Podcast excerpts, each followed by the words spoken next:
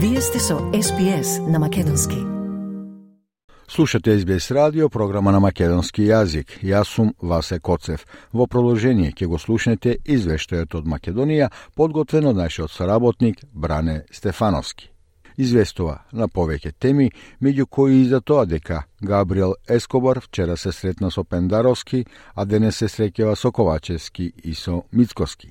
Лидерот на опозицијата Мицкоски е категоричен дека нема да се согласи со притисокот на Ескобар, а министерот за надворешни работи Бујар Османи вели дека договорите со соседите не се посебен сегмент од преговарачката рамка. Познавачите пак велат дека Габриел Ескобар допатува во Скопје за да спроведува булдужер дипломатија. За овие настани пообширно во извештајот. Високиот американски дипломат Габриел Ескобар вчера пристигна во Скопје на оддржа средба само со председателот Пендаровски.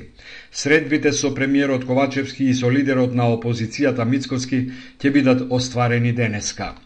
По средбата со Пендаровски, председателскиот кабинет издаде сообштение во кое се вели дека на средбата била потврдена поддршката на САД за европските аспирации на нашава земја. Истовремено било изразено очекување од официјален Вашингтон дека Македонија ќе го продолжи патот кон полноправно членство во Европската Унија.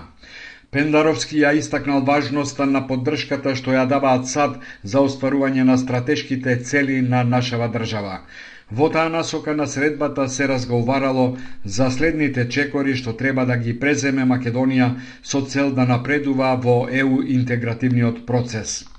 Доаѓањето на Ескобар во моменти кога власта се обидува да собере двотретинско парламентарно мнозинство за да гласа за потребата за уставни измени и противењето на опозицијата предводена од ВМРО ДПМН, многумина го поистоветуваат со терминот булдожер дипломатија. Стет департментот тврди дека Ескобар се надева на продуктивни дискусии поврзани со интеграцијата на Македонија во ЕУ и подолгорочен просперитет на целиот регион. Посетата на Габриел Ескобар вчера ја заостри реториката меѓу власта и опозицијата. Лидерот на ВМРО ДПМН е Христијан Мицковски и вчера рече дека на оваа посета гледа обид на власта преку меѓународниот фактор да врши притисок брз ВМРО ДПМН. Мицкоски во изјава за медиумите, одговарајќи на новинарско прашање, беше категоричен дека нема да подклекне на било какви притисоци. Тој рече дека би прифатил и нова лидерска средба само ако се разговара за предвремени избори. Тодат коленичот по светот и меѓународната земница ја мола да доаѓа овдека во Македонија и ја притиска да прави тортура и притисоци врз ВМРО ДПМН, а преку ВМРО ДПМН и врз огромното мнозинство граѓани во, во Македонија. Но, а, навистина можам да ги разочарам дека а, такво нешто нема да успее.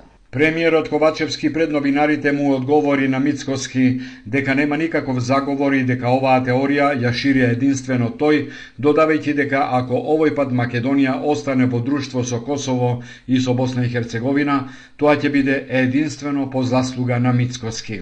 Ние заедно со Хрватска започнавме го започнам го започнавме нашето интегрирање во Европската унија и заради неносење на одлуки Хрватска денес стана земја членка на Европска унија, дел од Шенген, воведе евро, а ние се уште зборуваме за отворање на поглеви и кластери. Ние не смееме да дозволиме Албанија, Србија и Црна Гора да отидат пред нас. Бидејќи во тој случај остануваме со Босна и Херцеговина и со Косово.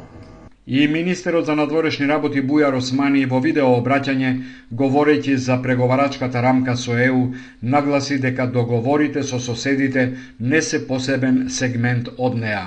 Основната порака останува непроменета.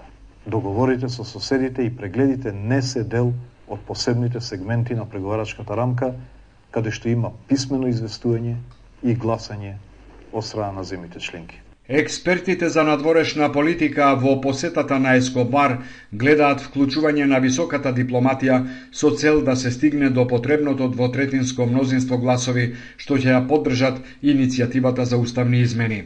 Поранешниот амбасадор и професор Нано Ружин за ТВ24 рече дека се бара начин за заеднички прифатливо решение.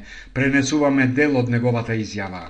За многумина после одредени предпоставки дека Ескобар ќе наметне одредени принципи на однесување, може би инспириран од од а, дипломатијата на, на, на Холбрук, така наречена дипломатија, булдожер дипломатија, која што предпоставува пред се надминување на било какви заложништва.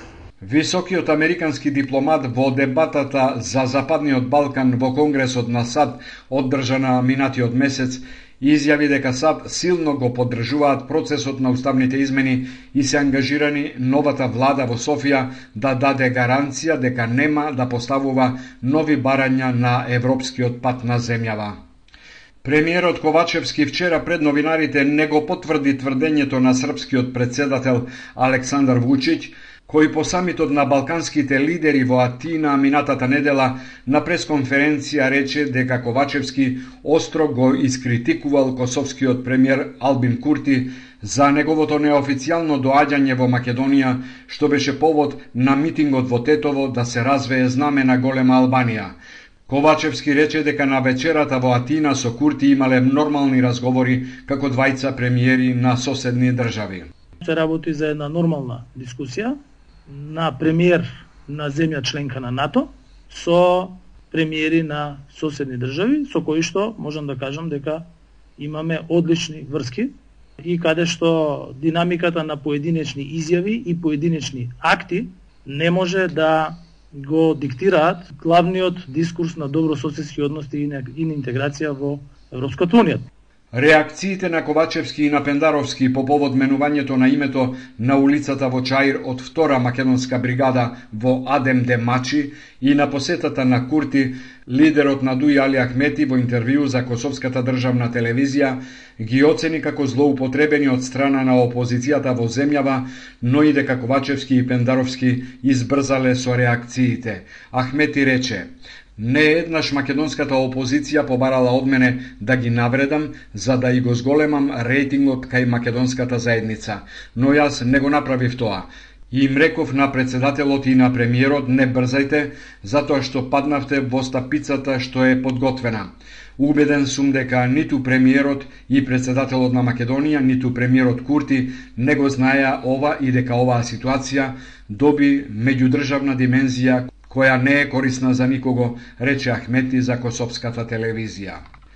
Тетовскиот градоначалник Билјалка сами на Фейсбук објави дека добил покана од Основниот суд во Тетово, во која се бара представник на општината да дојде на судење на 15 септември поради сторен прекршок при пречекот на косовскиот премиер Курти, односно неспроведување на законот за употреба на грбот, знамето и химната, што значи за неистакнување на македонското државно знаме.